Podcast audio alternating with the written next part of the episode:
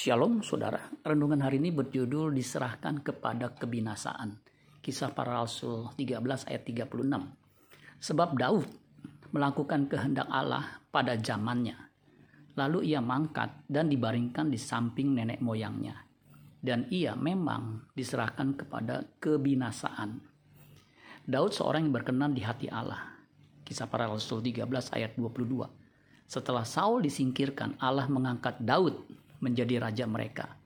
Tentang Daud, Allah telah menyatakan, Aku telah mendapat Daud bin Isai, seorang yang berkenan di hatiku dan yang melakukan segala kehendakku.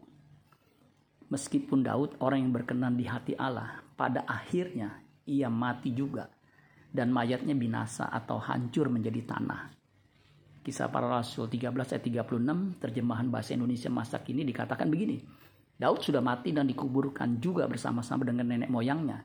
Sesudah ia melakukan apa yang Allah suruh ia lakukan. Mayat Daud pun sudah hancur habis semuanya.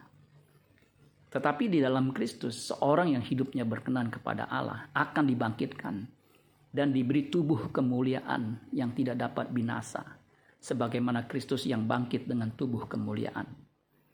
Kisah para, kisah para Rasul 13 ayat 37 sampai 39. Tetapi Yesus yang dibangkitkan Allah tidak demikian. Jadi ketahuilah hai saudara-saudara, oleh karena dialah maka diberitakan kepada kamu pengampunan dosa. Dan di dalam dialah setiap orang yang percaya memperoleh pembebasan dari segala dosa yang tidak dapat kamu peroleh dari hukum Musa. Amin buat firman Tuhan. Tuhan Yesus memberkati. Sola Gracia.